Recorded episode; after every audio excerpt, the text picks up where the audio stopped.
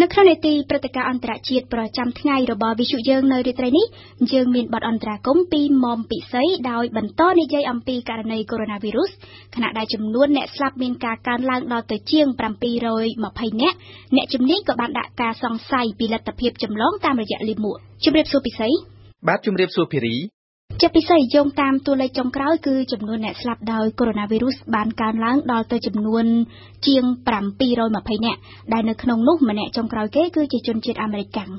នេះគឺជាអ្នកស្លាប់ដំបូងគេដែលមិនមែនជាជនជាតិចិនអញ្ចឹងតើមានព័ត៌មានអ្វីលម្អិតខ្លះហើយពិសី បាទជាការពិតមែនពេរីចំនួនអ្នកស្លាប់បានកើនឡើងខ្លាំងណាស់ក្នុងរវាង24ម៉ោងចុងក្រោយនេះគឺមានអ្នកស្លាប់បន្ថែមដល់ទៅ86នាក់ធ្វើឲ្យអ្នកស្លាប់សរុបមានចំនួន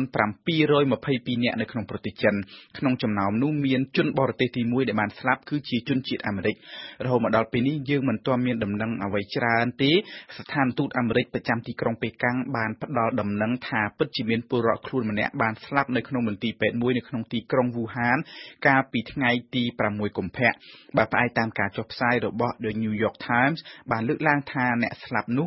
មានភេទស្រីអាយុប្រមាណខ្ទង់60ឆ្នាំនិងមានករណីស្លាប់ជនជាតិជប៉ុនម្នាក់ទៀតដែលគេសង្ស័យថាអាចស្លាប់ដោយសារមេរោគកូវីដ -19 ប្រភេទថ្មីនេះដែរគឺបុរសជនជាតិជប៉ុនអាយុខ្ទង់60ឆ្នាំដូចគ្នាយោងតាមលិខិតរបស់ក្រសួងការបរទេសជប៉ុនចេញផ្សាយនៅថ្ងៃសៅរ៍នេះតែម្ដងបានបញ្ជាក់ថាបុរសជនជាតិជប៉ុនម្នាក់បានស្លាប់នៅក្នុងមន្ទីរពេទ្យក្នុងទីក្រុងវូហានដោយសារជំងឺសួតនិងប្រព័ន្ធដង្ហើមធ្ងន់ធ្ងរតែសម្រាប់ពេលនេះក្រុមគ្រូពេទ្យជំនាញនៅមិនទាន់រកឃើញមេរោគកូវីដ -19 នៅក្នុងខ្លួនអ្នកស្លាប់នោះទេតែគេគ្រាន់តែសង្ស័យប៉ុណ្ណោះតែយ៉ាងណាក្រសួងការបរទេសជប៉ុនអះអាងថាគេពិតជាសង្ស័យខ្លាំងណាស់ថាបុរសនោះពិតជាស្លាប់ដោយសារមេរោគកូវីដ -19 បើគិតត្រឹមម៉ោងដែលយើងផ្សាយនេះតើចំនួនអ្នកឆ្លងមេរោគកូវីដ -19 នេះមានប៉ុន្មានហើយពិសេស បាទភារីបាននិយាយទៅនៅក្នុងទឹកដីចិនដីគោកតួលេខផ្លូវការសម្រាប់ពេលនេះគឺអ្នកផ្ទុកមេរោគកូវីដ -19 មានចំនួន34546នាក់នៅហុងកុងវិញមានអ្នកឆ្លងចំនួន26នាក់និងមានអ្នកស្លាប់ម្នាក់ផងដែរអាជ្ញាធរហុងកុងកំពុងតែបារម្ភខ្លាំងហើយបានអនុវត្តវិធានការដាក់បង្ខាំងឲ្យនៅដាច់ដោយឡែកទៅលើអ្នកដំណើរទាំងអស់ដែលឆ្លងពីចិនដីគោកចូលមកហុងកុងអ្នកទាំងនោះត្រូវនៅដាច់ដោយឡែកនៅក្នុងផ្ទះក្នុងមន្ទីរពេទ្យឬនៅទីតាំងមួយផ្សេងរយៈពេល14ថ្ងៃដើម្បីឲ្យគេតាមដានមើលស្ថានភាពមុននឹងអាចដើរហើរទៅណាមកណាបាននៅកូរ៉េខាងត្បូងតួលេខអ្នកឆ្លងនៅដដែលទេគឺ24នាក់ហើយនៅតៃវ៉ាន់ក៏ដូចគ្នាដែរគឺ16នាក់វៀតណាម13នាក់អូស្ត្រាលី15នាក់នៅអាមេរិកមាន12នាក់កាណាដាចំនួន5នាក់ដោយឡែកនៅជប៉ុនវិញមានករណីឆ្លងសរុបដល់ទៅ89នាក់ដោយគេទើបតែរកឃើញថានៅក្នុងចំណោមអ្នកដំណើរក្នុងកប៉ាល់ទេសចរដែលគេឃាត់ទុកនោះមានចំនួន66នាក់ដែលមានផ្ទុកមេរោគកូវីដ -19 ប្រភេទថ្មីនេះនៅថៃវិញនៅព្រឹកថ្ងៃសៅរ៍នេះមន្ត្រីទទួលបន្ទុកនាយកដ្ឋានជំងឺឆ្លងនៃក្រសួងសុខាភិបាលថៃបានបញ្ជាក់ថាគេរកឃើញអ្នកផ្ទុកមេរោគចំនួន7អ្នកផ្សេងទៀតដែលក្នុងនោះ4អ្នកជាជនជាតិចិននិង3អ្នកជាជនជាតិថៃក្នុងចំណោមជនជាតិថៃ3អ្នកនោះម្នាក់គឺស្ថិតនៅក្នុងចំណោមមនុស្សទាំង138នាក់ដែលអាជ្ញាធរថៃបានទៅជំនះចេញមកពីទីក្រុងវូហានពីរនាក់ទៀតគឺទំនងជាបានឆ្លងដោយសារធ្វើការជាមួយនឹងក្រុមទេសចរជនជាតិចិនគិតត្រឹមពេលនេះនៅថៃមានអ្នកឆ្លងសរុបចំនួន32នាក់ជនជាតិចិន23នាក់និងជនជាតិថៃ9នាក់ភារីនៅបារាំងវិញមុននេះបន្តិចលោកស្រីរដ្ឋមន្ត្រីក្រសួងសុខាភិបាលបារាំងបានបានប្រកាសថាមានអ្នកផ្ទុកចំនួន5ករណីផ្សេងទៀតដែលគេទើបតែរកឃើញ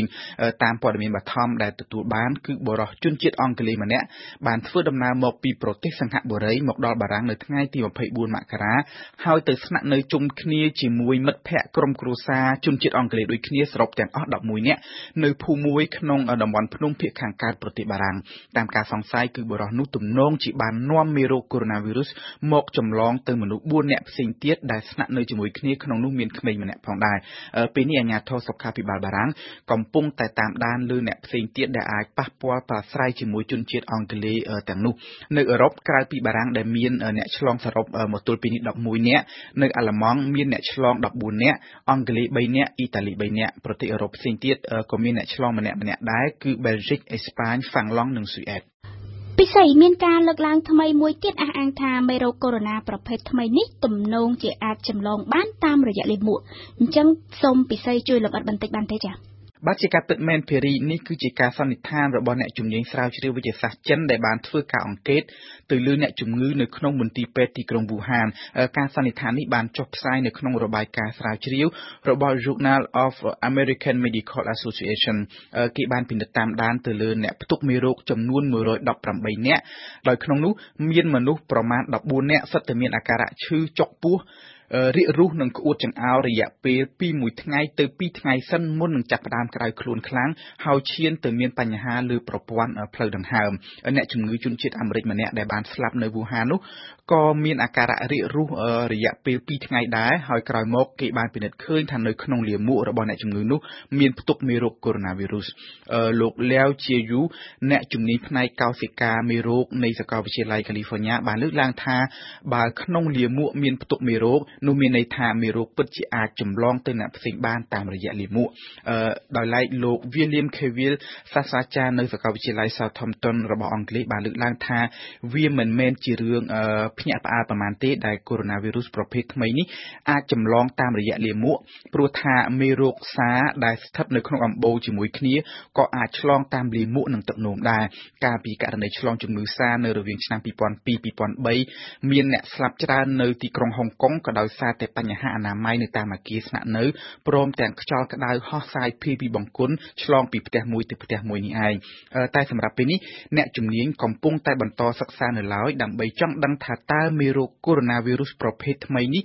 អាចមានជីវិតរស់បានរយៈពេលប៉ុន្មាននៅក្រៅខ្លួនមនុស្សហើយថាតើវាអាចទ្រាំទ្រដល់កម្រិតសីតុណ្ហភាពប៉ុន្មានដែរបើឆ្លងងាយតាមលាមកមានន័យថាវាអាចបង្កជាបញ្ហាកាន់តែធ្ងន់ជាពិសេសនៅតាមមន្ទីរពេទ្យដែលមានអ្នកផ្ទុកមេរោគនេះសម្រាប់ស្នាក់នៅតែយ៉ាងណាក៏ដោយភារីមន្ត្រីជំនាញសុខាភិបាលបានអះអាងថាមធ្យោបាយចម្លងធំបំផុតនៃមេរោគកូវីដ -19 គឺតាមរយៈសារធាតុរាវដែលចេញពីខ្លួនមនុស្សតាមមាត់ឬតាមច្រមុះនៅពេលដែលយើងក្អកឬក៏ហូរសម្បោរជាដើមការយកដៃដែលជាប់មេរោគទៅញីមាត់ញីច្រមុះឬញីភ្នែកគឺជាការយកមេរោគឲ្យមកចូលនៅក្នុងខ្លួនដូច្នេះអនាម័យលាងសម្អាតដៃគឺជាការសំខាន់ខ្លាំងណាស់ ការពាក់ម៉ាស់បិទមាត់បិទច្រមុះក៏សំខាន់ដែរដើម្បីកុំឲ្យមេរោគដែលមានអាចខ្ទាតចេញទៅក្រៅឆ្លងដល់អ្នកផ្សេងហើយយើងក៏មិនត្រូវភ្លេចដែរនៅការសម្អាតអនាម័យនៅតាមបង្គន់ឬក៏បន្ទប់ទឹកត្រូវតែមានការប្រុងប្រយ័ត្នបន្ថែមទៀតមិនត្រូវប៉ះពាល់ដោយផ្ទាល់ជាមួយនឹងបណ្ដាញទឹកក្រខ្វក់លូទឹកស្អុយព្រោះថាវាអាចពាំនាំមកនៅមេរោគកូវីដ -19 ប្រភេទថ្មីនេះសូមអរគុណមុំពិសីសម្រាប់បទអន្តរាគមន៍ក្នុងនេតិព្រឹត្តិការណ៍អន្តរជាតិប្រចាំថ្ងៃនៅរាត្រីនេះ